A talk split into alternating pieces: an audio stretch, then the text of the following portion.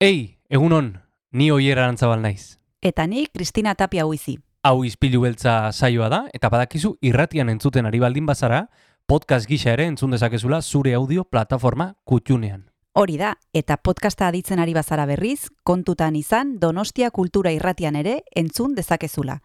FM eundazazpi puntu lau frekuentzian. Sare sozialetan ere topatuko gaituzu noski, izpilu beltza bilatuta, Instagram, Facebook eta Twitterren. Besterik gabe, guazen gaurko saioarekin. Az gaitezen,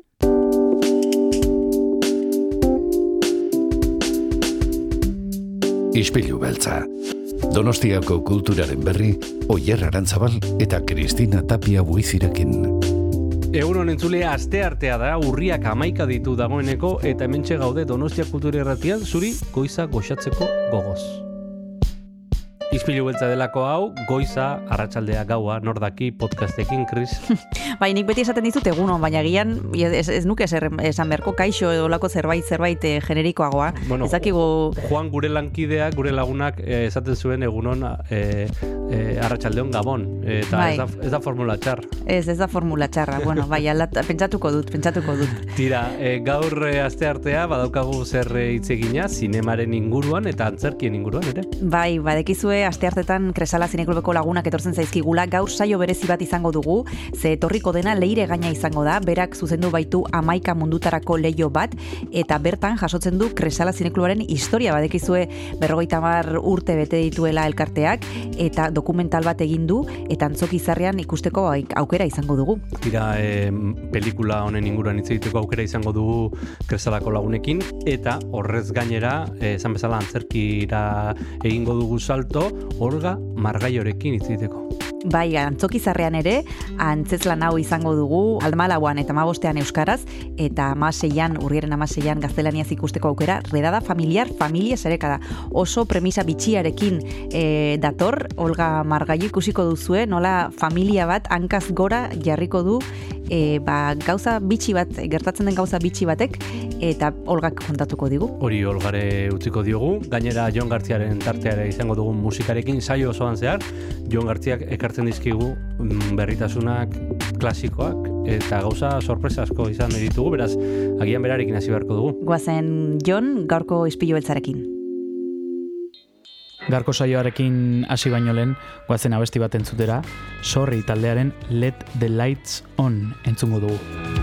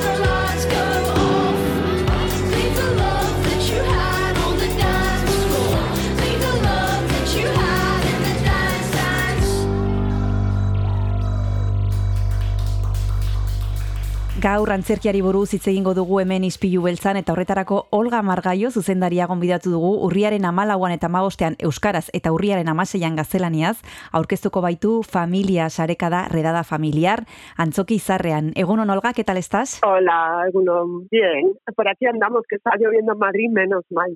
Sí, pues aquí estamos deseando que llueva, pero todavía no, no parece que llega la lluvia, así que a ver si nos la mandáis un poquito por lo menos. Pues un poquito, aquí llevábamos meses, yo que sé, ha sido una bendición, así que bien, muy Mm. contenta.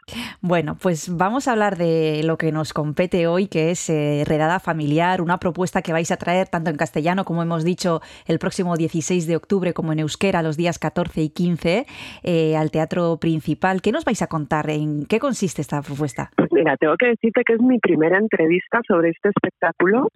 Eh, eh, hemos estado haciendo una gira muy grande, estrenamos ahí Yo la peor del mundo, un espectáculo que sigue de gira en el Teatro Principal y ahora vamos con la misma compañía, con Vaivén, con quien me encanta trabajar, con este nuevo espectáculo que, bueno, habla un poco, te cuento el comienzo, el comienzo es un, un- un policía que llega a una casa donde hay una familia cenando y parece que todos tienen eh, tienen están acusados de algo, ¿no? Y entonces la obra trata un poco de bueno de todos los pequeños secretos que todos tenemos en nuestras redes sociales, lo que buscamos, lo que queremos, lo que anhelamos y empiezan a desconfiar uno de otros. Ese es un poco el tema de lo que trata la obra. Y mm, te toca en este caso dirigir esta propuesta con un texto de Antonio Muñoz de Mesa. ¿Cómo es ese texto? Eh, ¿Ha sido fácil? ¿Te ha servido para dirigir mejor? ¿Ha habido alguna complicación, alguna complejidad? Mm, yo siempre dirijo textos de Antonio Muñoz de Mesa, o sea, creo que he dirigido a lo largo de mi vida como 15 espectáculos, pues 14 han sido Antonio Muñoz de Mesa. Entonces es muy fácil porque escribe, hemos aprendido a dirigir y a escribir a la vez, él es mi compañero de vida, de hecho yo La Peor del Mundo, que es uno de los mejores textos que ha hecho, lo dirigí allí en el País Vasco con Vaivén. Y lo bueno es que cualquier problema que surge durante los ensayos, eh, podemos ir hablando, Claro. llegamos a acuerdos, yo desde que lo leo sé, esto no va a funcionar, Antonio, sí, dale, un, dale una posibilidad. Finalmente, eh, pero es muy fácil porque al trabajar tan en equipo, también Ana Pimenta, que es la productora de Vaivén, sabe muchísimo de dramaturgia, entonces bueno, eh, y los propios actores van haciendo un poco suyos suyo el texto y ha sido fácil, excepto el final, que no lo puedo contar, que es lo que más complicado nos ha resultado porque hay un giro muy interesante en el guion y es lo que nos ha resultado más complicado. Pero bueno, ahora en el estreno veremos cómo funciona y siempre tenemos al autor a mano para poder detallar alguna cosita más, pero es fácil y agradable trabajar con el autor vivo y muy cerca. Claro. Eh, el final no nos lo puedes contar, pero sí nos has contado la premisa y la premisa eh, es algo que parece como muy de película, ¿no? Estás cenando en tu casa y de repente aparece un policía y empieza a investigar allí a todos los miembros de la familia. Pero si te pones a pensar un poquito, eh, no es algo tan descabellado teniendo en cuenta cómo vivimos y cómo funcionamos, sobre todo con el tema de Internet. Yo creo que es algo con lo que nos podemos sentir muy identificados, ¿no? Absolutamente. Mira, hemos hecho como un preestreno donde vino público y la gente al salir decía, voy a mi casa inmediatamente a borrar todo mi historial de, de búsquedas de Internet, ¿no? O sea, la gente se sentía como mm, el algoritmo que va, que va persiguiendo, ¿no? Además es tan puritano, eh, cualquier cosa puede ser, cualquier cosa que hayas hecho tienes la sensación de, Dios mío, eh, he buscado esto, eh, de hecho, el espectáculo se iba a llamar al principio porno doméstico, imagínate, decidimos que no, precisamente porque, porque bueno, no era políticamente muy correcto y quizás eh, nos iba a complicar el, el que pudiera venir gente, o, pero, pero sí, la sensación de estar vigilado, pero no por, ya no por un algoritmo o por internet o por desde fuera, sino cómo nos autovigilamos y cómo vigilamos al que está a nuestro lado, ¿no? Porque es una comedia el espectáculo y lo divertido es que viene alguien de fuera, pero al final los que más se acaban vigilando somos unos a otros, ¿no? Y esa es la comedia de nuestro espectáculo, que empiezan a desconfiar unos de otros y uno de uno mismo, que para Mm. mí eso es lo peor. Empiezas a dudar de ti, ¿no? Bueno, sí, algo que hemos podido ver como muy gráficamente en la pandemia, ¿no? Con aquellos eh, policías de los balcones que iban señalando a quienes no se ponían las mascarillas. Se me ha ocurrido ahora de repente, ¿no? Que al final somos casi nuestros muy peores buena- enemigos. Muy buena comparación, totalmente. Sí, sí.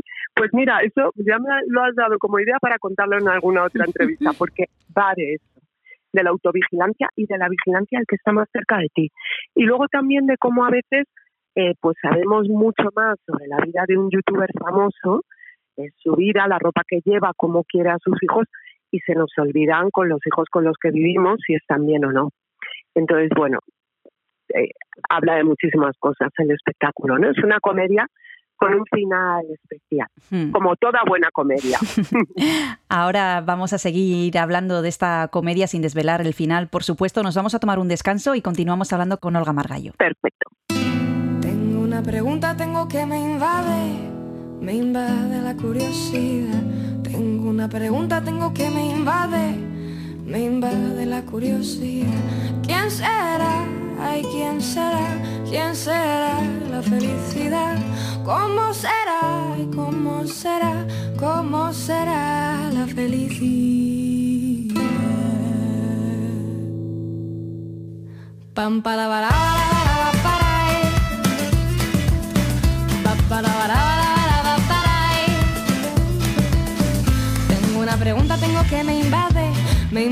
la curiosidad. Tengo una pregunta, tengo que me invade, me invade la curiosidad. ¿Quién será? Ay, ¿quién será? ¿Quién será la felicidad? ¿Cómo será? ¿Y cómo será? ¿Cómo será la felicidad? Huele a tormenta de verano, seguro, ojos color azul oscuro, seguro, seguro, seguro, seguro. Pam para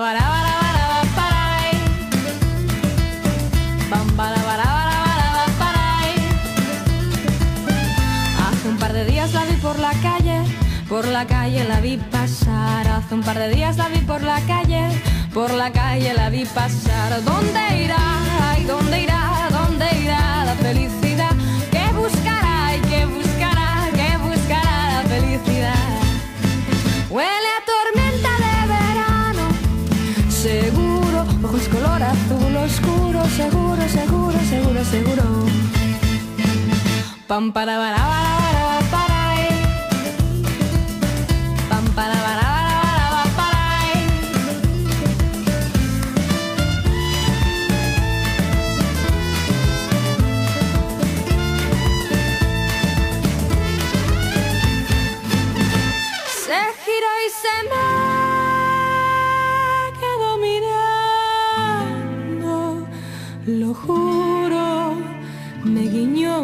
seguro, lo juro, lo juro, lo juro.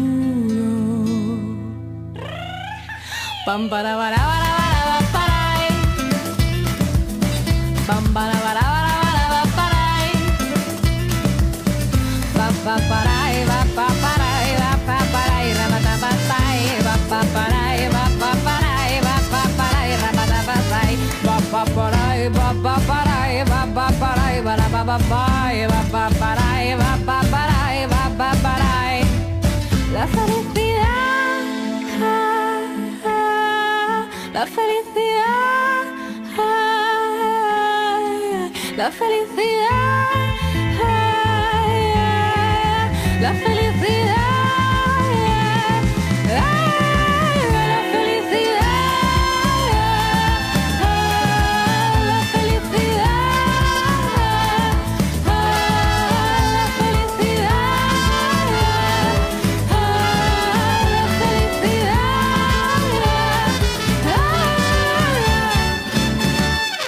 Redada familiar, familia sareka da, urrian, amaseian eta amalauan eta amabostean Euskaraz nahi izan ez gero antzokizarrean ikusteko aukera izango dugu antzezlana, bai benek ekarriko du eta guk gaur telefonoaren beste aldean Olga Margaio zuzendaria daukagu, Madriletik ari zagu hitz egiten. Estábamos hablando de que se trata de una comedia. Decís en alguna ocasión, os he leído, de que eh, la, la definís como una comedia catártica y pocas cosas yo creo que se pueden comparar a reírse uno a gusto en un teatro o con una película. Esas carcajadas que, que sientes que cuando terminas te has quedado como libre, ¿no? Absolutamente. Además, eso sí lo vimos, como te contaba en el preestreno, eh, las carcajadas, la gente se lo pasó muy bien.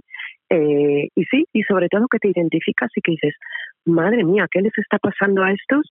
¿Me puede pasar a mí? Y, esa historia que te contaba, ¿no? De no, me voy inmediatamente a casa a borrar. Yo hay veces que miro el historial de las cosas que he buscado y digo, como lo lea alguien, vienen a por mí a ver qué me pasa. Pero nos pasa a todo el mundo, todo el mundo tenemos esas intimidades absurdas, porque como no tenemos filtro a la hora de ir a buscar algo, y puedes buscar desde cómo hacer una sopa a luego qué pasa si, si estoy deprimida y todo me parece mal, o cómo quitarme un grano de la nariz. O sea, eh, es absurdo tu historial, ¿no? Y te define.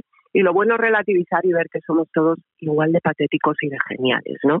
Que es un poco lo que les pasa a los personajes de esta función, que son todos ellos, pueden parecer locos y luego pues, tienen su, su parte genial, ¿no? De una parte humana increíble.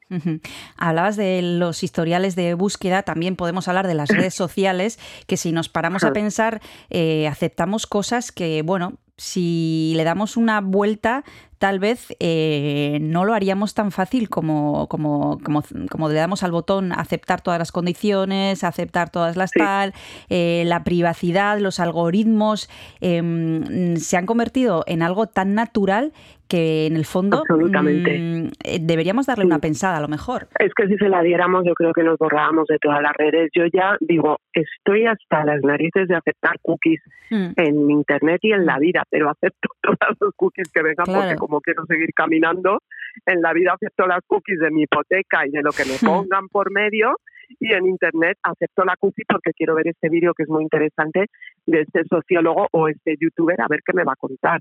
Entonces aceptas cookie, acepto y pasas por el aro, ¿no? De eso también habla habla la obra y luego de todos los peligros, pues como todo, Internet bien usado es una maravilla e Internet mal usado es un horror. Nosotros tuvimos un canal de YouTube donde cuando vivimos fuera contábamos nuestro día a día y era maravilloso y luego era llegó un momento que dijimos no sé si es un poco peligroso no ahora que volvemos a Madrid porque vivir muy lejos bueno podíamos contar nuestra vida pero pero bueno todo tiene su parte buena y mala y solo hay que yo creo que con los niños que son los que más riesgo corren es estar al lado todo el rato todo el rato todo el rato contar enseñar ayudar y, y no dejar que estén solitos ahí no porque sí es algo peligroso claro. Mencionabas a los niños que ellos mm, no han conocido la vida sin Internet y algo que los que tenemos un poco más de edad sí recordamos perfectamente cómo era vivir cuando para quedar con tus amigas tenías que llamar al teléfono fijo o bajar a la plaza Sí. y O no al había telefonillo, claro. o al telefonillo y, mm, y ahora eh, en cambio parece que a pesar de que nosotros hemos conocido esa vida no podemos vivir sin eso se te olvida el móvil en casa y parece que se te ha olvidado un brazo Eh, Sí, ¿cómo, cómo crees que nos ha cambiado la vida internet eh, para bien para mal A mí me da mucha pereza. Ayer mi hija me decía, ¿cómo llegabais a los sitios? Digo, Hmm. llegábamos siempre y llegábamos más relajados, a lo mejor más tarde, pero yo más relajada porque yo iba preguntando a la gente, me paraba y ahora pues es que casi tienes un accidente mirando el GPS y eso lo, lo llevas a todo, ¿no? En la vida, cómo, cómo llegabas a conclusiones, a pues porque ahora incluso buscas algo, hay tanta información, ¿no? Es como cuando, pero pasa todo, yo voy a comprar un yogur y me mareo de la de tipos de yogur que hay, digo, un, este enorme con bífidus, sin bífidus, con lactosa, sin limón. Yo digo, quiero un yogur. Y me pasa lo mismo en la vida, hay demasiada opción. Y yo creo que, que los chavales están saturados. De todas formas, leía el otro día que se está, que va a haber, por supuesto, igual que se volvió al pan integral después de que lo moderno era tomar pan blanco. Eh, mi hija, por ejemplo, se ha quitado de alguna red social y por saturación. Yo creo que estamos en pleno auge y, y vamos a ir. Yo también me quité de Facebook en su momento, me he quitado de cosas, pero porque llega un momento que dejas de vivir para estar ahí dentro y es agotador. Y los niños a mí son los que más me preocupan porque son muchas horas. Mm, Antes si te hacían bullying en el cole porque eras gordita, llegabas a casa y se acababa todo. Ahora sigue el bullying en tu casa, porque como están las redes, pueden seguir haciendo bullying. Todo esto también se toca en la obra, ¿eh? pese a ser una comedia, Por eso te contaba que es muy difícil hacer una entrevista sobre este espectáculo porque cualquier cosa estás adelantando algo muy importante, interesante que pasa en el guion, ¿no? Pero, jo, qué difícil desconectar. Yo creo que va a empezar a haber, creo que ya hay campamentos para desconectar para adultos, ¿eh? De redes, porque es que son las 24 horas del día. Hay veces que, ¿no? Estás en la cama, apagas el móvil y te despiertas con él y para mí eso es lo peor.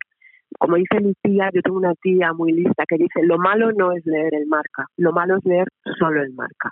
Y me encanta esa frase porque es para todo. Lo malo no son las redes, sino que tu vida sean muy importantes las redes. Y más con 15 años, claro. Claro. Ahora mismo vamos a seguir hablando con Olga Margallo de Redada Familiar. Nos vamos a tomar el segundo descanso para escuchar una canción y continuamos ahora mismo.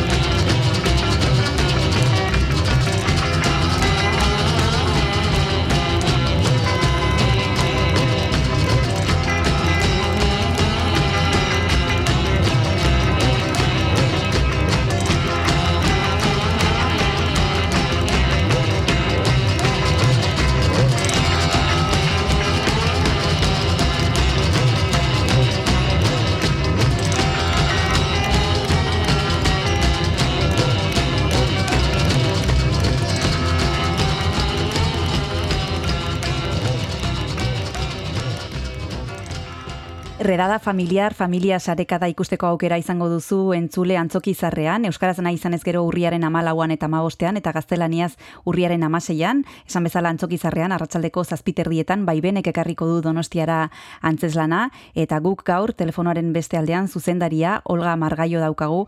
Estabas hablando, Olga, de que se trata de unos temas eh, muy serios que vosotros abordáis a través del humor, algo que a lo mejor os permite llegar a sitios que si se hace de otra manera igual no se llegan, ¿no? Claro, es, es un espectáculo donde la gente se está riendo, pero a la vez está diciendo, uy, madre mía, Mm, qué barbaridad. mm, mm. Pero desde el humor, todo en la vida es mucho más relajado, más divertido y es necesario, como tú dices, ¿no? Para afrontar determinados temas. Sí, es, es una comedia. En un momento tuvimos susto. Oye, esto que Ana Pimenta, que es maravillosa, la productora, oye, que yo he contado a todo el mundo a la hora de la venta que es una comedia. Y es absolutamente una com- comedia. Pero claro, mm, las comedias interesantes siempre tienen un giro, un algo más, ¿no? Mm, mm. Hablabas de Ana Pimenta, que es la productora de Eva y Ben, pero en este equipo también hay más personas, actores como Ainhoa Yerbe, Mikel Ascurain, Nerea Gorriti, Xanti Corcostegui, también participa virtualmente Aitziber Garmendia. Eh, ¿Cómo ha sido trabajar con, con todos ellos? Maravilloso. Además, ellos están muy contentos porque yo cada vez que voy allí hace mucho sol. Mm. Entonces me dicen, es que cada vez que vienes hace muy buen tiempo. Estuvimos ensayando el espectáculo en marzo, ahora volveré yo unos días y ha sido una gozada. Algunos de ellos ya les conocía, yo ya había trabajado con ellos en Yo la peor del mundo, el último espectáculo del que os hablaba, y otros han sido la primera vez. No la primera vez con Vaivén Producciones, con lo cual es como una familia y ha sido muy agradable, muy divertido. Toda la parte en euskera yo me lo paso muy bien, porque aunque no lo entiendo, yo ya me sé el espectáculo, entonces tengo una sensación de que entiendo el euskera sin entenderlo. y pues ha sido muy, muy divertido. La Mm. verdad que muy agradable. Hemos Mm. trabajado mucho, pero, pero muy agradable. No ha habido ningún ninguna crisis grave Mm, durante los ensayos. Así que feliz, con ganas de volver. Mencionabas el euskera, Olga, y por eso te quería preguntar. Eh, es una obra que se va a representar en castellano y en euskera. ¿Cómo es dirigir en un idioma que no conoces? Porque cada idioma tiene sus giros, sus particularidades, y yo no sé cómo te Sí. enfrentas a, a esta situación. Y sobre todo un, un idioma con, que no se parece en nada, ¿no? Claro. O sea, que algunas palabras, eh, la traducción por lo visto es maravillosa y eh, esta vez no me ha resultado tan chocante porque como yo todos los espectáculos que he dirigido con Biden se han hecho en euskera, pero recuerdo el primero que era era, bueno, el segundo, pero eh, Cirano, era un Cirano, Cirano de, eh, Nueva Orle- Orleans se llamaba el nuestro, no Cirano de Bergerac. Y recuerdo la escena de más de amor que tenían, que lo empezaron a hacer y me entró un ataque de risa porque yo decía, pero qué, pero qué texto estáis haciendo, porque me parecía mucho más interesante que una historia de amor, me parecía que hablaban de algo mucho más elaborado. Y nada, y fue muy divertido porque yo me meaba de la risa, eh, pero, pero muy bien, todas, todas las, las que hemos hecho, claro, se han hecho en euskera, de hecho se han estrenado antes en euskera. Y como yo ya me las sé de arriba abajo, sé exactamente por dónde van. Dura un poquito más en euskera, que eso también me hace mucha gracia, claro, es más larga, pero, pero tengo la, es muy bonito, tengo la sensación de comprenderlo, ¿no? Porque sé de qué vas, en qué momento están, hasta la intención del actor, ¿no? Cómo la pasan, como en ese momento en el que la actriz se emociona, ¡pa! Ya sé, están justo ahí. Muy interesante. Y luego también cuando se escena con público, también es muy bonito, ¿no? Ver la reacción en las dos lenguas. Claro, porque ahora eh, decíais que habéis hecho como una especie de preestreno y en los ensayos eh, el- la obra tiene un cuerpo, pero cuando hay público delante coge otra forma también. Absolutamente. De hecho, yo creo que por lo menos el 30% de la obra la hace el público, ¿no? Por eso es tan interesante cuando ya llevas siete, ocho funciones, porque ya el público te ha dado lo que te tenía que dar para tú acabar de, de dirigir o de interpretar el espectáculo, ¿no? Para mí es muy importante esa, esa aparición del público. ¿Suele haber alguna modificación, Olga? Cuando ya lleváis, como decías, Sí. siete, ocho funciones, eh, ¿se hacen algunos Sí. cambios? Sí, a mí me encanta además. De hecho, en Yo la peor del mundo tuvimos una crítica preciosa, un crítico pero preciosa, que era como...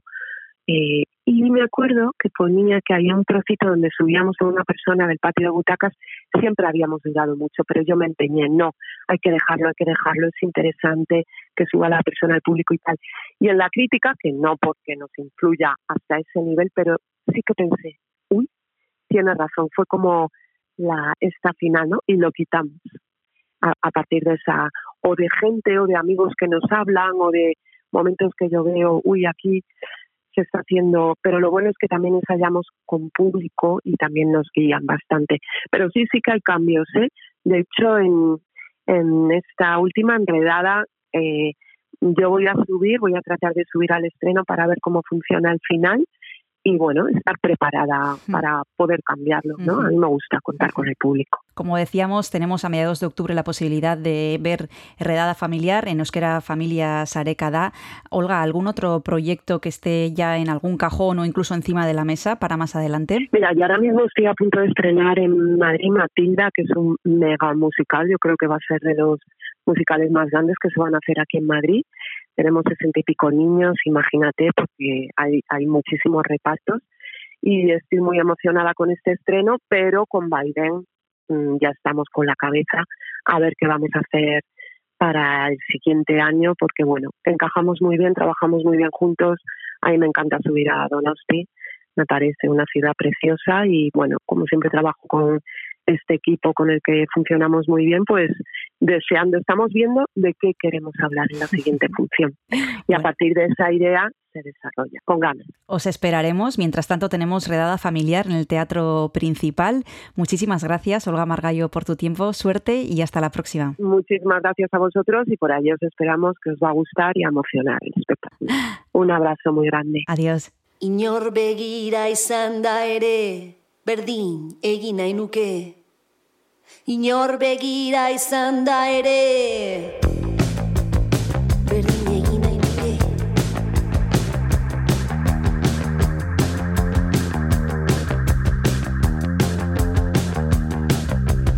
Armak eman nahi dizkiguzue, eskuak ondolotu eta. Eta bost buru jakintxu amar begizoroz paperean luma ezarri orduko Armak eman nahi dizkiguzue Eskuak ondolotu eta gero. Eta bost buru jakintxu amar begizorroz Tiro batzuk eman orduko. Inor begira izan da ere Berdin egin nahi nuke. Inor begira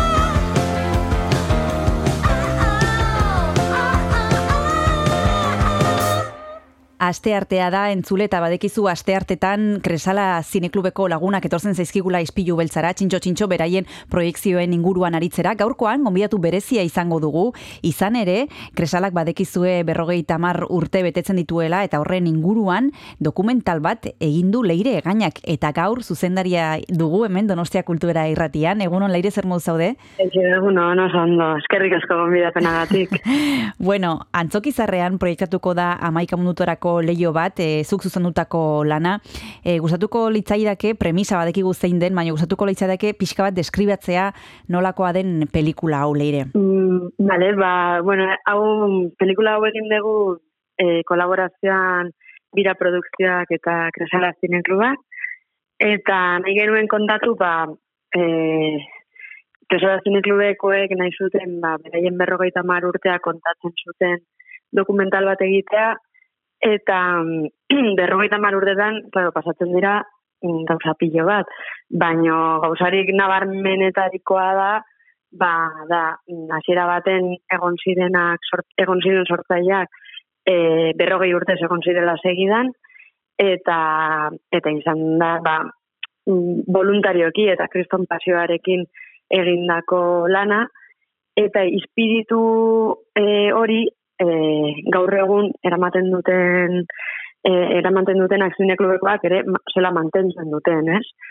Eta zela hori dena, ba, de, e, osea, e, jarraipena duki du zine klubak, ba, publiko oso fidel baten gatik. Orduan, ba, nahi nuen pixkat, ba, zinemaren pasioa eta eta sinema komunitatearen inguruan hitz egiten zuen dokumental bat Mm. Kontatu. Zaila zaizu leire identifikatzea hoiek izango zirela gaiak, ba, e, pasioa, publikoa eta eta bertan lan egin duten pertsona hoiek ere agertzea. Hori e, identifikatu arte, e, prozesu luzea izan da, argi zenukaten hasieratik hori hoiek izango zirela ardatzak? Ba, bai, eh, zelan, ni ere kolaboratzailea naizen, mm kluban, Mhm. zenean, ba, e, gertutik ezagutzen dut, e, bai publikoan nola, nola mm, sinekluba antolatzen dutenak, eta niri bintzet, gainera ni mm, e, baskotan lanpetua nago, ezin dio dedikatu nire kiden bezain beste, eta da zerbait niri atentzio handia ditzen, di, ditzen zidana, ez? Eta gainera, mm, ba, notatzen da ere bai, ba, publikoak ere bai, e, giro hori oso presente dagoela. E, eta orduan, hori bai nukan, e, komunitate, sinema komunitatearen espiritua, ba, beste klubetan ero, edo gertatu daitekena ere bai, ez? Ba, futbol salea dena, elkarte batetan parte da, eta futbolaren pasioaz aparte, ba, komunitate espiritu bat dago. Eta orduan, niretzat, Kresala Zine Kluban, e, hori oso, oso nabarmena da. Eta, eta hori da daukan indarra. Baina gero, orduan, hori bai izan e, nire intuizioa eta nire ardatza, e, baina gero elkarrizketak egiten hasten zaren enean, konturatzen zara, ba, ba, bueno, ba, ematen duela ba, bide, bide honet, honean zaudela edo. Mm, mm. Horren inguruan galdetu nahi nizun leire, dokumentalak badu e, denek, e, bueno, zuzendariek esaten duzue e, bizi propio bat, ez? Zuk e, hasieran e, izan dezakezu ideia bat, gaino gero e, rodatzen hasten zarenean, ba, bueno, gauza batzuk agian beste bide bat hartzen dute, eta zuk elkarrizketak eginala, agian e, konturatu zara, ba, bueno, beste, e, beste gauza bat aterako zela.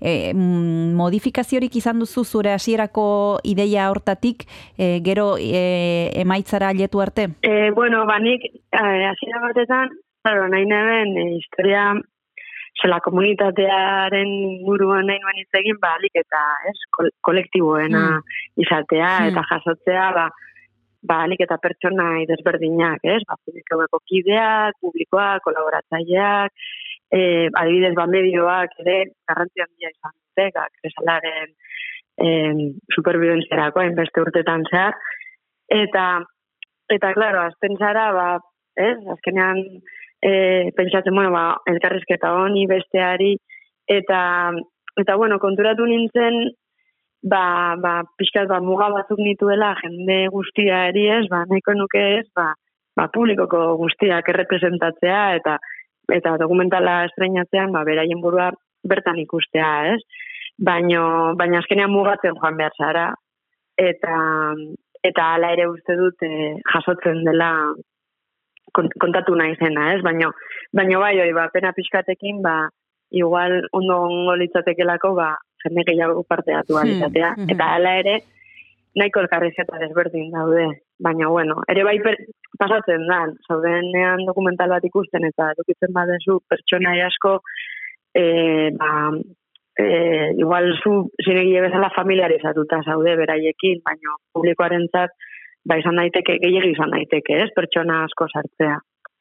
Ordan, bueno, hori hori hori izan zen e, ba, ez, aldatu zen gauzetako bat, eta gero bestea ere bai, zen, e, pentsatu nuela ziraten kronologi, neko kronologikoki egitea, baina gero ikusi nuen hobez dela garai desberdinak eta oza, da kronologia bat dago, baino garrantzitsua ez da e, kronologikoki historia Mhm. e, jarraitzea. Ba, oraintxe bertan jarraituko dugu dokumental honen inguruan hitz egiten, baina tarte bat hartu behar dugu, eta horretarako leire eskatu behar dizut abesti bat, ezakit ze gustatzen zaizun entzutea, zer ari zaren entzuten azken aldi hontan, zer partekatu dezakegu entzulekin. E, bueno, ba, justo e, dokumentalan agertzen dira e, tartekatzen dira elkarrizketak eta pelikulen zatiak, Mhm. eta orduan erabilitako pelikularen zatiren bateko kanta bat esango dizut. Bai, E, dela e, Bobby Vintonen Blue Velvet, Mhm. terciopelo azul. primera, magoazen entzutera.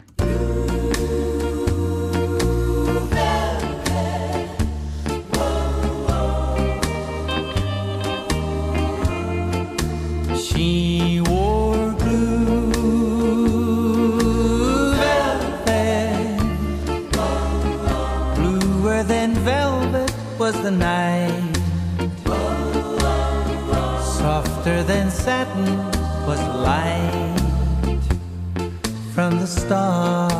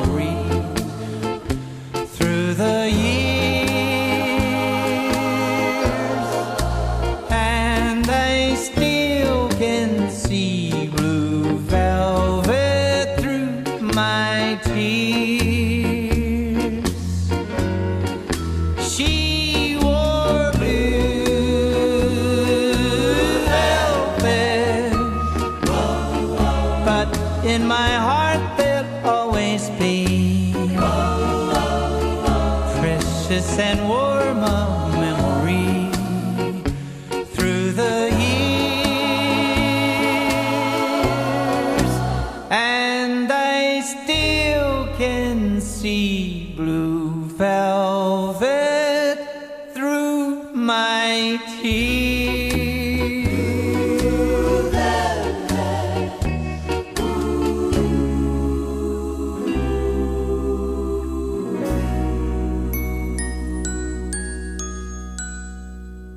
Donostia kultura irratian zaude entzule leire gaina daukagu gaur telefonoaren beste aldean, berak zuzendu baitu amaika mundutarako leio bat, Kresala Zineklubaren e, urteurrena ospatzeko egin duen dokumentala, eta antzoki izarrean ikusteko aukera izango dugun aurrearen emeretzian, zazpiterdietan, aipatu dituzu elkarrizketak eta aipatu dituzu filmak leire, baino artxiboko irudiak badituzue? Ba, e, kresalako artxiboko irudiak e, dira, e, bueno, niretzat ikerkuntzaren parte izan direnak dela e, boletinak. Hau da, e, gaur egun bezala, e, kresalan e, ez, demoraldi bakoitzean, batutan izan dela hilabeteka edo hiru hilabeteka, e, ateratzen dira boletinak, non esplikatzen den zer jarriko den, ze, ze, eta hori, hori dana ba, editorial batekin datorrena. Ba, ohitura hori hasieratikan mila bedertzen da hogeita hamabitik e, egiten zuten, eta gainera nahiko, nahiko potoloak ziren boletin hauek, beraien ilustrazioekin, eta bar, eta bueno, horrek izan dira artxuko irudiak, baino, baino gero bereziki, ba, ba pelikulen, peli- pelikulen zatiak e, erabili ditut, e, elkarrezketatuek esaten dutenaren e, erantzun bezala, edo, bueno, batzutan kontrapuntu bezala, edo, ba, metaforikoki eh, interesgarriak iruditzen zitzaidanak, edo. Aipatu dituzu elkarrizketak eh, hainbat pertsona agertzen dira dokumentalean eh, ze kontatu dizute edo eh, ze, zerk deitu dizu atentzioa gehien elkarrizketa hoietan prestatzen dut eh, jende adintua egongo dela hasierakoak eh, berazateri bat adibidez edo eh, zerbait bitxia edo kurioso egin zaizu beraien elkarrizketetan? Bazela, eh, kentzen zioten garrantzia, kentzen diote askotan garrantzia lanari. Eh, presente daukate, oso presente daukate, ba, egin behar den lana, baino, baino askotan desbideratzen zian adibidez, ba, e, pelikula baten inguruan hitz egitera, Mhm. ez? Kriston pasioarekin Bai, gainera. Eh, ze azkenean hori da, ez? E, ba, pasioak bultzatzen zaitu hainbeste, ba, e, igual galdetu, ah, eta nola lortu zenuen pelikula ez? E, gainera, lehen hasi zirenean, ba, segon, zentsura zegoen, hasiera batetan, gero e, bat, banatzaileak, ba, bat, be, nahiko borrukak eta ebiltzen zituzten pelikulak lortzeko, zeluloidean jartzen zituzten, orduan beti basaiagoa zen, ez, zukaten hainbat zailtasun. Baino, baino, igual, azten ziren e, pelikula baten zailtasun eta hitz egiten, eta, eta bukatzen zuten gehien bat hitz egiten, ze derra den pelikula hori, o begira pertsonaiak, o orduan, bueno, ba, hori kuriosoa. Kidel, kiden zailtasunak aipatu dituzu, leire, ez dakit zure zailtasun handiena zein izan den e, proiektu hau e, ba, martxan jartzeko garaian eta eta amaitzeko garaian ere bai. Ez, izan duzu koropiloren bat zaila egin zaizun askatzen? Ba, ba bueno, e, zeuen e, material pilo bat aztertzeko, eta gainera ba, hasi baino lehen nahi neben ba, ba, komentatzen nuena? Pues, talde desberdinekin hitz egin, parte hartze desberdinekin, eta bueno, ba, e, naiz eta hasieran neukan ideia gero konturatu nintzen, ba, intuizio hori ona zela, ba, bueno, ala ere joan behar zara pixkat, e, ikerketa bat egiten, eta, klaro, ba, berrogeita urteko ikerketa gait materialak pertsonekin hitz egin, eta ikusi bereziki, ba, zer gelditzen den kanpoan, ba, azkenean, ba, zein den, pelikularen bihotza zein den ikusteko, ba, hori da, igual, zaiena. Baina gira esan, e, asko disfrutatu dut prozesuarekin. Izan da, ba, ba, azkenean urte guztiko proiektua izan da, eta, eta ondo, ondo pasatu dut. E, zela, uste dut ere bai, zela kresalako kolaboratzaile izan da, ba, ba gustatu zait, e, gehiago ikertzea horren inguruan, eta jakitea ba, bere historia eta dena. Bai, asko disfrutatu dut. Bueno, ba, oraintxe bertan jarraituko dugu hitz egiten amaika mundutarako leio bat pelikularen inguruan. Leire, lehenbiziko tartean e, musika eskatu dizut eta bigarren tarterako ere musika eskatu behar dizut. Zer entzun dezakegu orain? Ba, aukeratuko dut beste pelikula batetan agertzen den kanta, e, eta Kresala Zineklubeko dokumentalan gehitu dana, dela Goran Bregovitzen Kalashniko. Underground pelikulan agertzen dela. Guazen entzutera.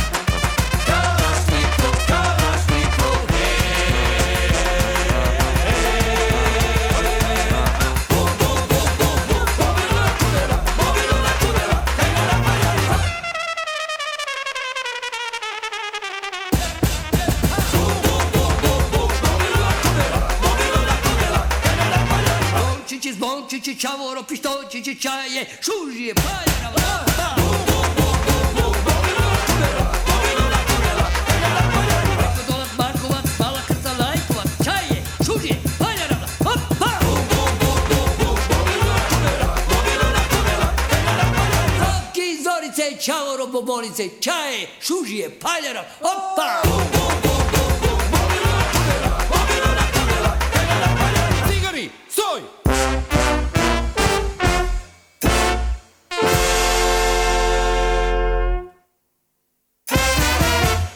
Ispilu beltzan gaude eta gaur asteartea denez badekizue zinemari buruz tokatzen zaigula aritzea. Normalean Kresala Zineklubeko eh, lagunek esplikatzen digute zein pelikula proiektatuko duten trueba zinemetan.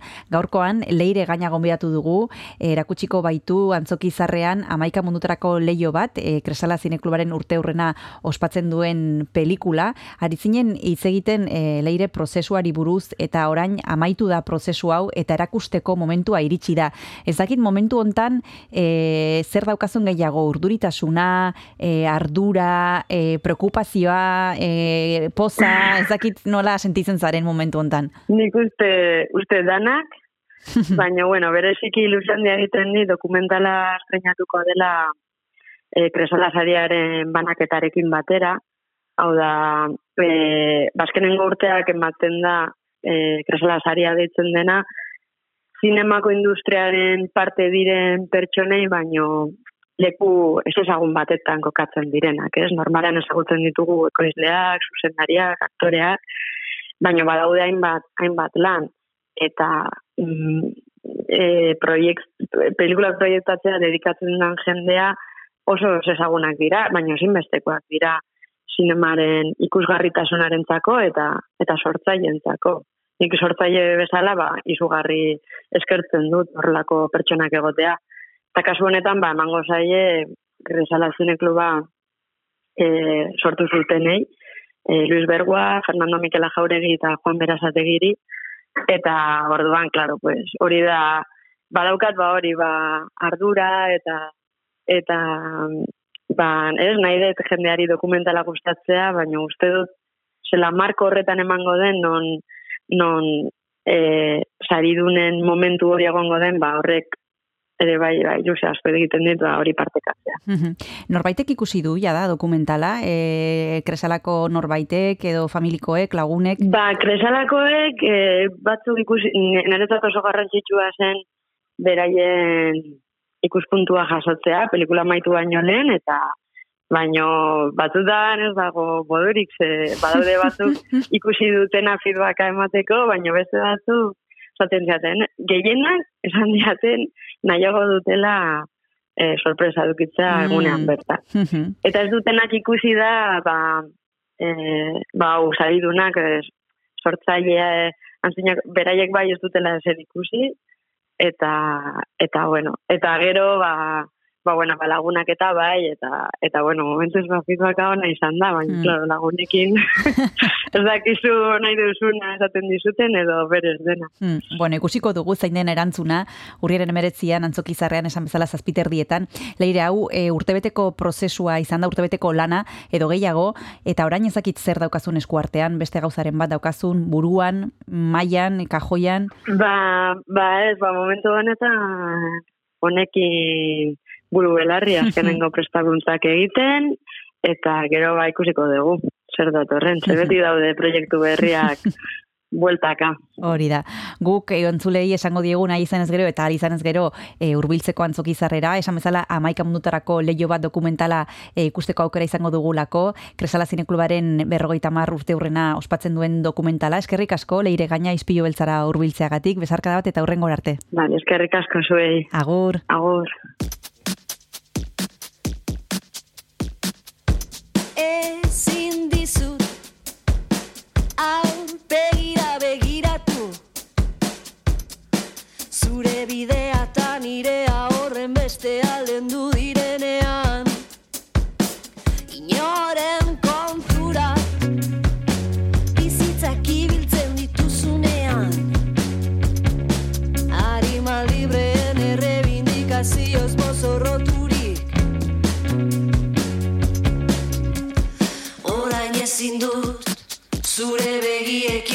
sí. Ven, compartí tu gemu.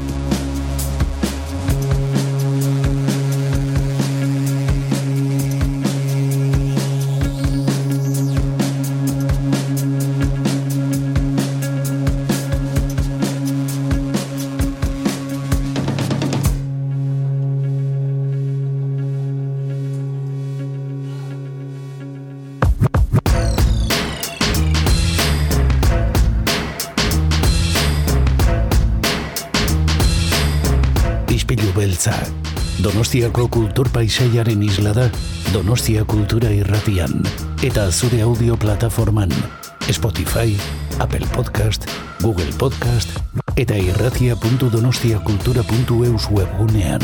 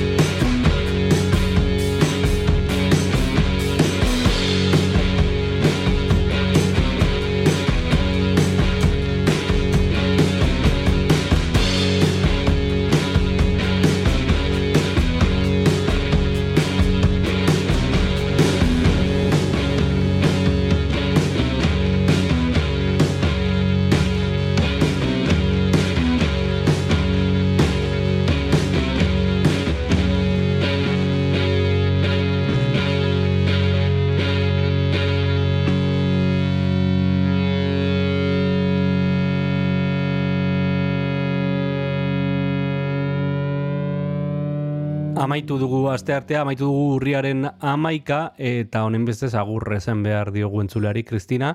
Agur, ostegunera arte, ostegunean itzuliko garelako urriaren amairuan, saio berri batekin. Saio berri batekin, osteguna izango denez, Josemi Beltran izango dugu zinemari buruz hitz egiten, eta gainera, musikari buruz hitz egiteko izango dugu Lidia Insausti, Arima Soul taldiarekin egongo baita lugaritzen, eta kontatuko digu nolakoa den aurkeztuten disko berria. Bueno, Arima Soul, e, tartean Lidia Insausti, Makala eta beste hainbat Bai. e, bueno, lagun daude, e, beraien musikaz gozatzeko aukera izango dugu osteguna, eta Jose Miltranekin zinema hitz egiteko, baina horretarako gurekin kon, konektatu behar duzu, i- izan irratiaren bitartez, FM 1.6.lau frekuentzian hain zuzen ere, edo podcast gisa, audio plataformetan, Spotify, Google Podcast, Apple Podcast, edo RSS bidez podcastak entzuten dituzun dena delako aplikazioan topatuko gaituzu, zure mugikorrean, edo ordenagailuan. Besterik ez, e, ostegunera arte, Kris? Ostegunera arte, agur. Agur, agur.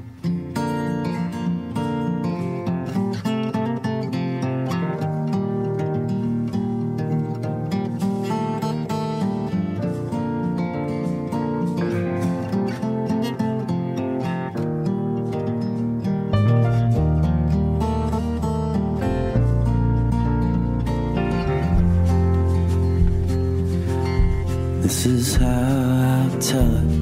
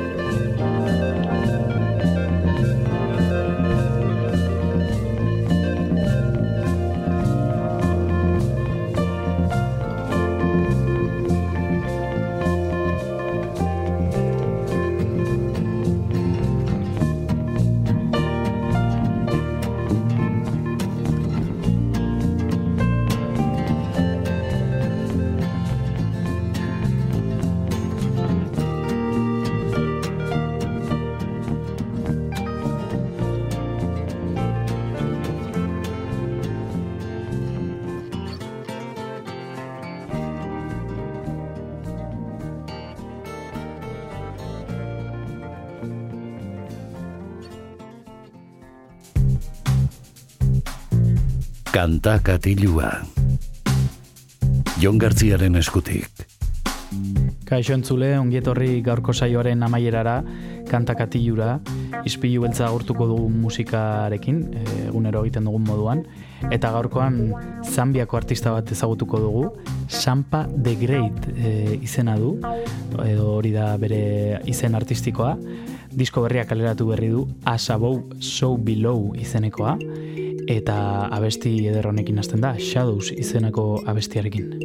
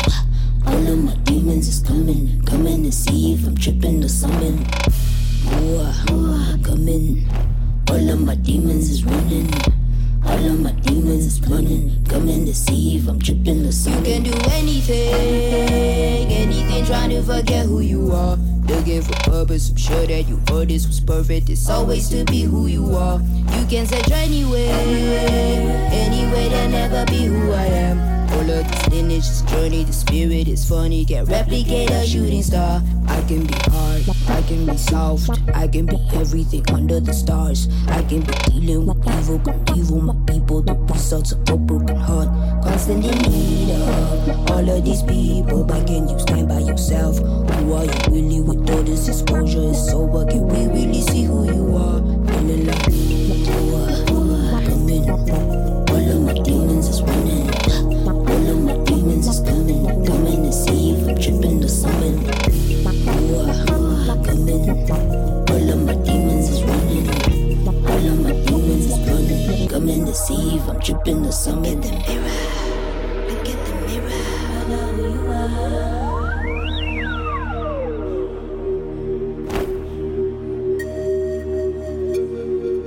nga ffe erya kyabamu kati efyo kibeena ku nsi ulwendo lwa bumi lulasungusha. Ukutulafye pakubala nokulengwa kwabukwo ukwisulilwa obumi ukuba owalo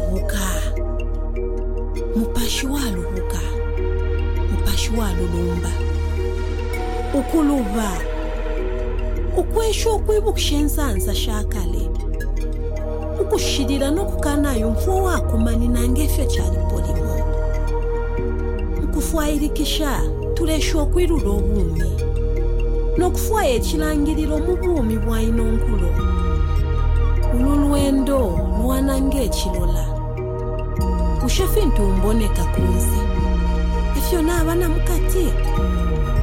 Mukwisaano okuya kwa nshita mukupita mu fyabuumi ku ntendekero n'empeera yange mu kusanigwa na mu kwiriirwa ekiroola kya mwoyo wange embuto n'atanda nayire ng'ekibe ku nsi ng'ekyo kyaba mukati.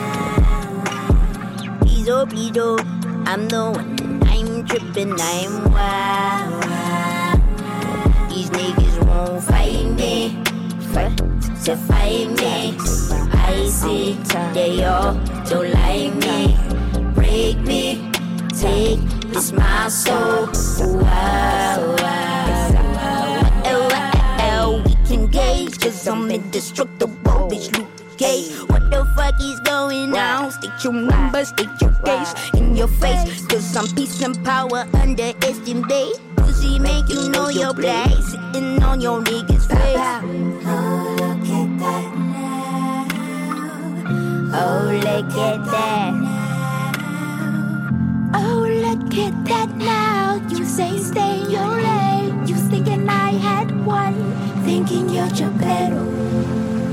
Pulling strings, you ain't get the memo. You know that I'm walking through the middle. I ain't give a shit, gon' suck pussy. You keep your click and I keep my sticky. I ain't underrated, I'm just on the underhate. Why all these people fake act like they know me when I chose to put my whole life on the tape? Oh, they tried to put my whole career in the box that's including my circle. I'm bit out of shape. It's something different. They told me to stop cause it wasn't straight drop, plus it didn't reroute. Why you throw shade, proud of shapes what I call? Bitch, I rock the whole nation just like ZZ Top. This is a sale. Got one mission, nigga, that's to prevail. My statistics want me dead or in jail. Ain't a Libra, but I'm tipping the scales. Made a lane, got you lame niggas salty. Sacrifice my vices, that's what it cost me. Making money with the fam and posse. Smacking niggas over ice hockey. Ha ha. look at that Oh, look at that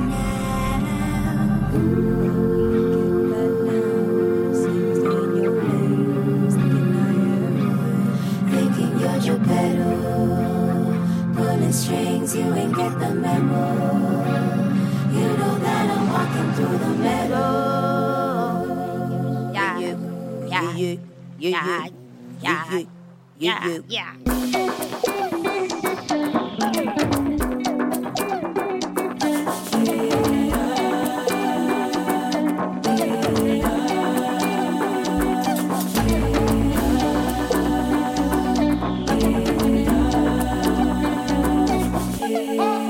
took fabric, made that shit classic? That shit ain't average, we did. Who did music, made that shit language? African branded, we did. Who took movement, spirit included, made it a movement, we did. Who's the origin, straight from the soil and then redistributed? Who did? Future ancient,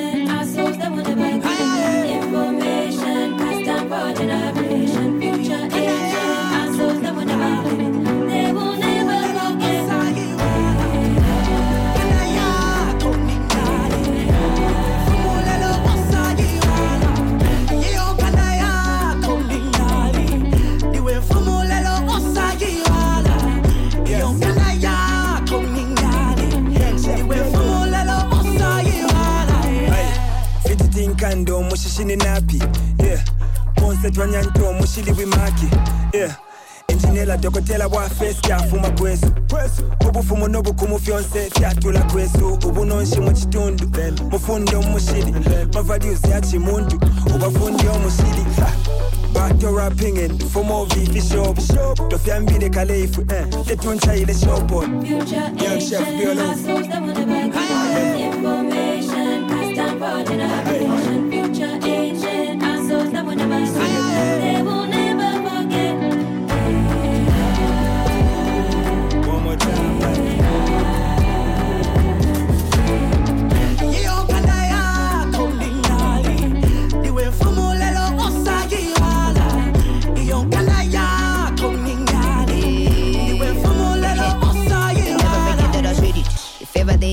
you the way, then I paved it. Shit that I should it. You passed the baton, I pushed on, now we on, now we made it, now mama, we made it. The vision they higher.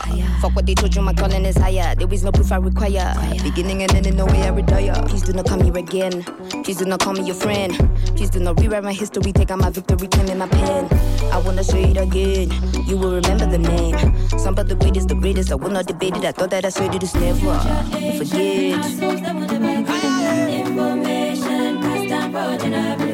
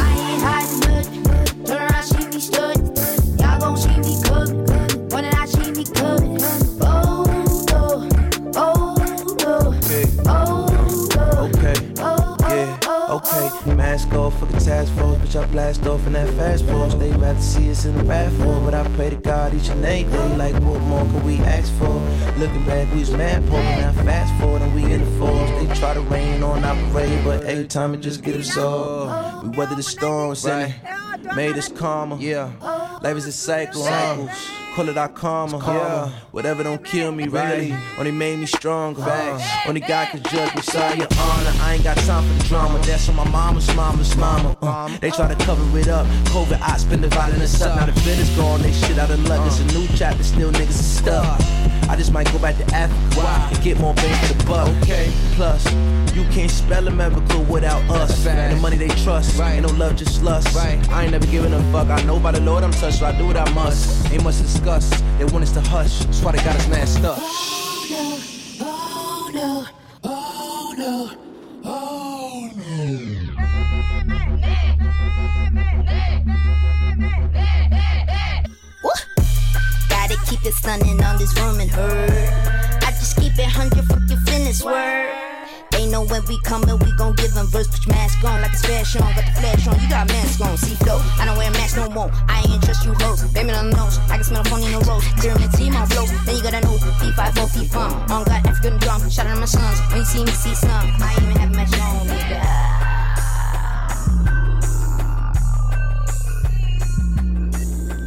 Sampa Tembo e, izena du Sampa the Great e, ez izenaren atzean eskutatzen den artistak. Mila betzirunda larogeita mairuan jaio zen, artista gaztea da, Zambian jaio zen, hain zuzen ere, naiz eta gero Australian bizi izan den. Eta disko berria kaleratu berri du, e, entzuten eta ezagutzen ari garen disko ederrau, gaurfan Donostia Kultura irratian As Above So Below izeneko diskoa, eta guazen entzuten eta ezagutzen jarraitzera, bona abestiarekin.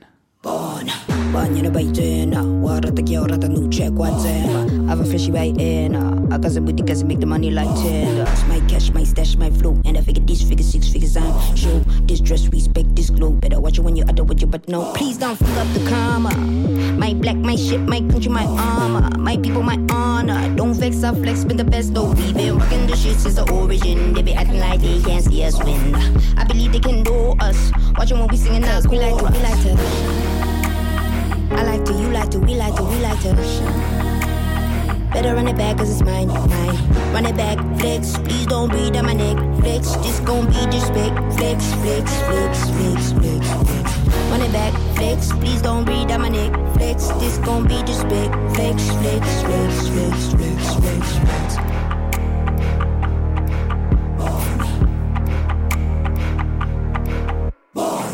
I don't feel no pressure. Wanna see how we do when we do no measure. No. Nobody know what I don't call it, don't stress.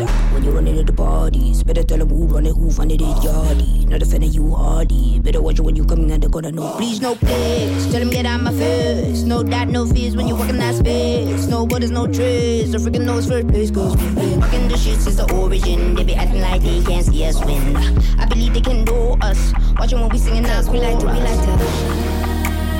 I like to, you like to, we like to, we like to. Better run it back cause it's mine, mine. Run it back, flex. Please don't breathe on my neck, flex. This gon' be disrespect, flex, flex, flex, flex, flex, flex. Run it back, flex. Please don't breathe on my neck, flex. This gon' be disrespect, flex, flex, flex, flex. Cause we like to, we like to. I like to, you like to, we like to, we like to.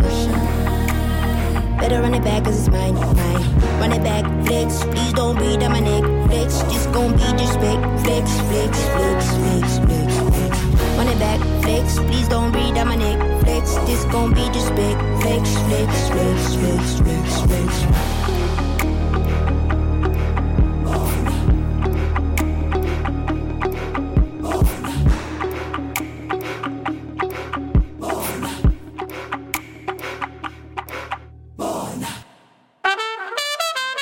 Donostia Cultura Irratia, eunetazazpi puntu.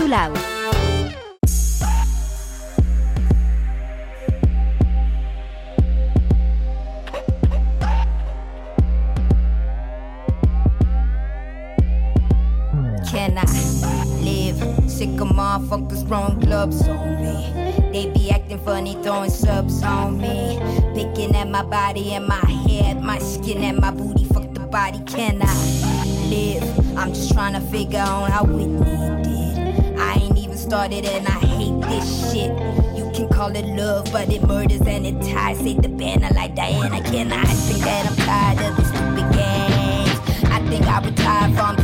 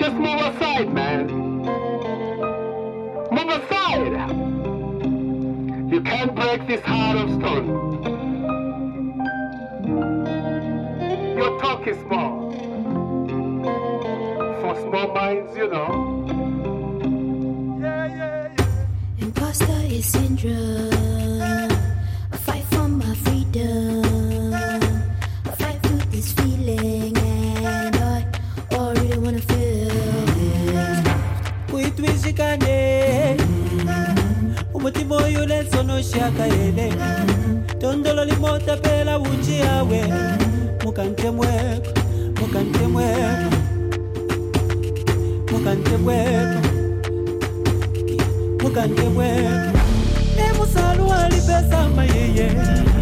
Isikuishisha mfisha pa chambaso amalanda kanwa ya mbifi yambwesha panshineko eh, indeni nebo twete indeni nebo twete nebo twende On the background, carry your own, put your back out. Look at the scenes, what the day scene, spinning love in the air hug. I've been small, but a big smile has a big flaw. I ain't walking no rooms if y'all predetermine who Sammy is in that song. What did they say? Big name don't fall. But you been here and I got here and you still shook in that shawl. It's cause big rise and they fall. Who you fooling is you stupid, it's you clueless how you moving, I die. Not today, call it out when I shot. Cause I've been here and I've been great and I've been wrong this more. Speak on it, I'm still standing and now all I really wanna be is uh, gracias. Still remember the fact is, no amount of intimidation will be negate what this class is. Me teaching all these masses, cause all, all we ever wanna feel is kuitwishikane umutima oyo nensono shakaele tondolo limota pela uchi yawe mukante mwepo mukante mwepo mukante mwepo mukante mwepo emusalu alipesa mayeye isikuishi shafishapa chambaso namalanda kano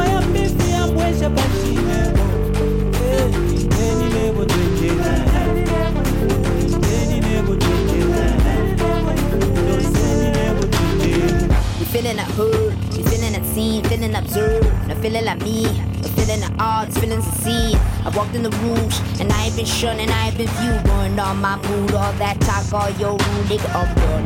Unseen, one vision, you ain't got sight. How things supposed to change when you see change, all steady trying to fight. Talk about what you did, still standing on our backside. Looking down when we looking up, let the future fall for your ego call, it ain't right. I brave the storm, and I'm standing strong, that's right. I build a throne and I build a home for all the work of my strides. I see myself, I didn't know what that's like when all I ever try to build is love. Not today, fear ruins us all. A brainstorm, I made my own, I'm looking on my walls. Heroes, they just like us and all. All we ever wanna build is love. umutima oyo nensono shakaele tondolo limota pela uti yawe mukantemwe mukantemwe mukantemwe mukantemwe emusalwa lipesamba yeye. Isikuishishapishapa cha maso. Napalatakano ya mbifi yambwesha pacinebo eh, nebo twekela indeni nebo twekela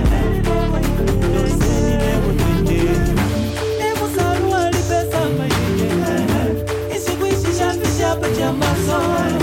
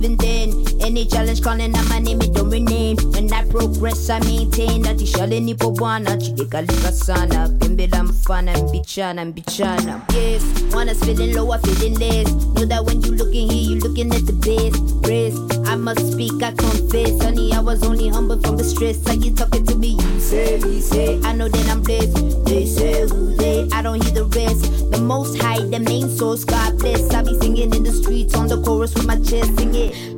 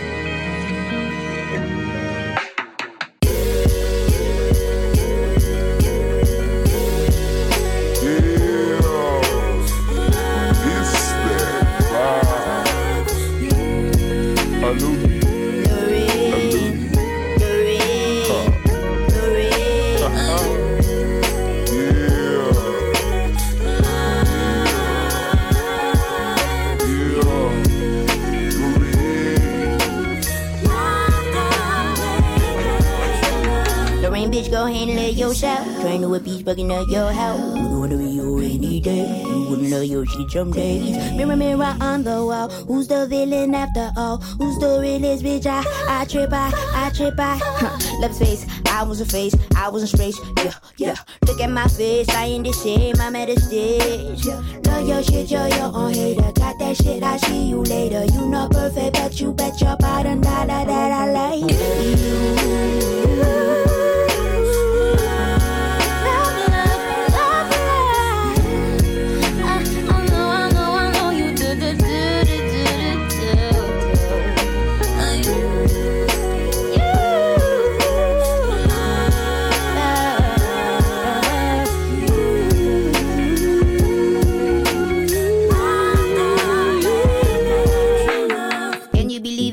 Almost immediate. Gave body love more than I was receiving. Begging and pleading and pleading assist. Thought you were braver and stronger than this. All in your feelings, lost on my feelings. Lord, I'm dealing, I'm dealing with this. I ain't his wife, I got none of his kids. I'd even rather love on me like this. Bringing the ray, low on the ray. I think I'm shaking or going again. I think it's calling one answer again. This is a cycle, a circle, a trend, and I'm loving on me. Hacking on me. Kissing and touching and loving on me. Bringing the mirror around me, your speech. So let me swear that I'm done with this shit.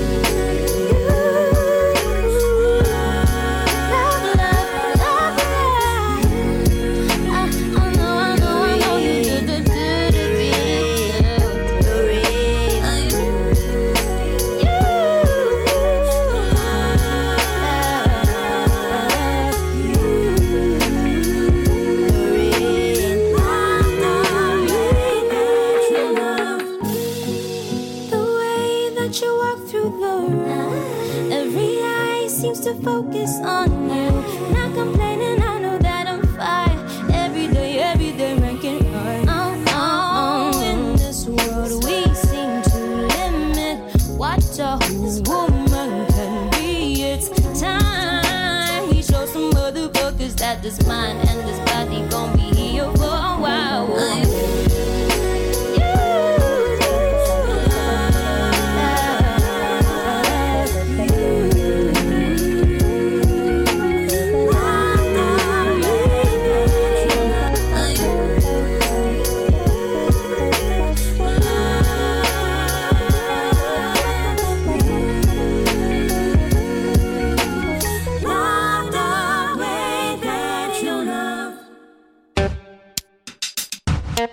Donostia kultura irratia zurea ere bada.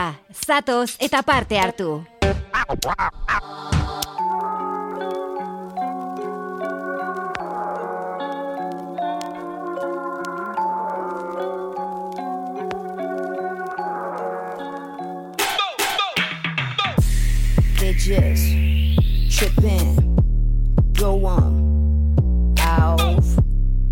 Just tripping, throw 'em.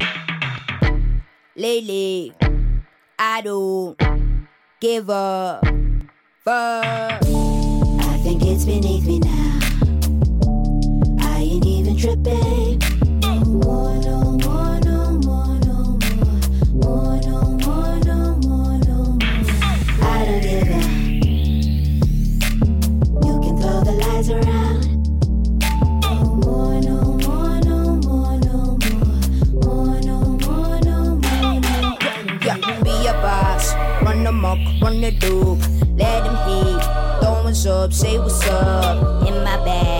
Switching lanes for good beef. Eat my greens, get the green, wanna leave. Don't ever say I switched the style. Running from the negativity, I throw it out. Even when they shouting, I know I'ma shut them down. Lady in your face and always tryna put you down. Even when you are the reason they life turn around.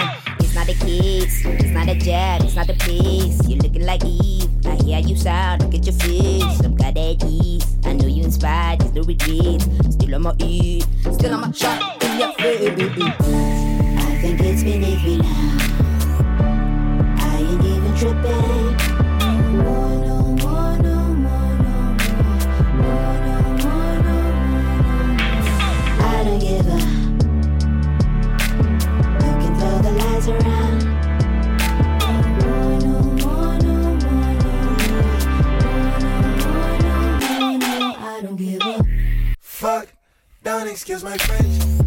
My cup full of blessings used to overflow with stress. Uh. Still don't give two F's. No way. Still don't do regrets. Still one head on my nuts. Still one foot in neck.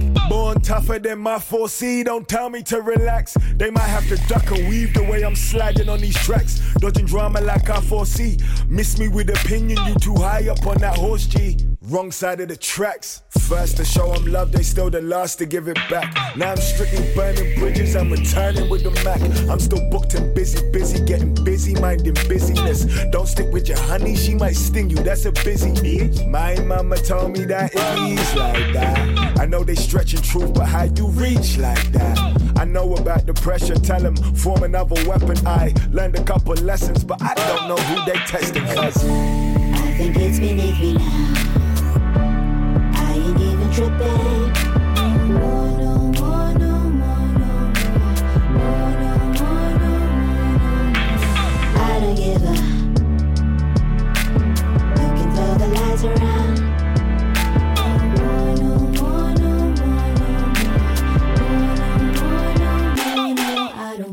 greatest. The fuck all of these haters. The knife behind your back because you stank. I see you later. Paper, a play I just wish the best for all the people. It's peace though. I hope you reach the highest cause we equal. Even though you tried to push me down and leave me there.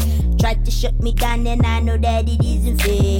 Yeah, you thought I'd give it up, but over here. Me without the mic is like a mic without the snake. It's like I'm running from the negativity. I throw it out. Even when they shouting, I know I'ma shut them down. Lady in your face and always tryna put you down. Even when you are the reason they life turn around.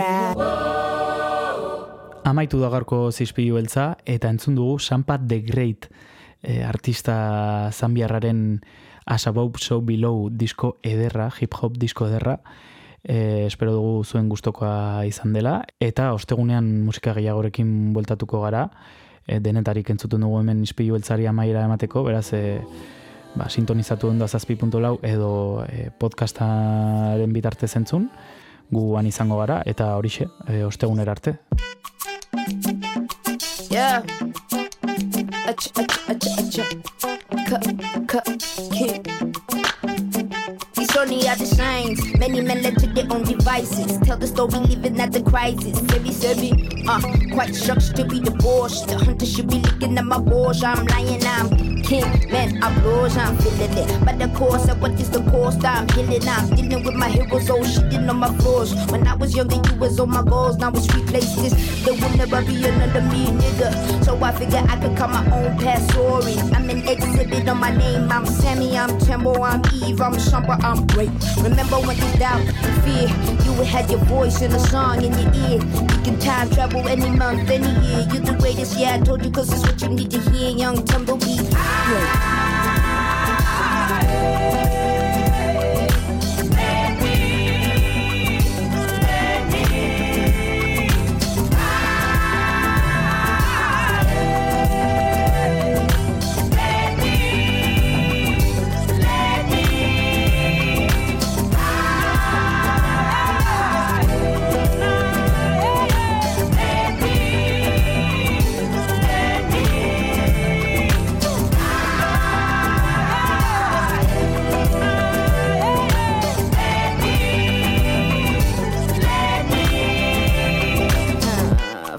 Ever, and ever, ever, and ever, ever, and ever. I'ma be great. Can never fail, where even when you fall, you prevail. And you can never lessen with the lesson. And I've been pressing. So it's not about impressing, I'm expressing. And every path I pay, still stressing. What Simon said, stay in your lane. If I stayed, I'd be playing with them little wine books, singing Tupac books, still ignoring the fact that the queen ain't glory. So that you can conquer any hill. That's how I feel, that's how I feel. My vision, I'm impeccable. Every strength gained, every stage detectable. Look into the future, full vision, no spectacle. It's legacy, it's what I see. Remember when there's doubt, fear, you would have your voice in the song in your ear. You can time travel any month, any year. You're the greatest, yeah, I told you, cause it's what you need to hear. Yeah, I'm gonna be great.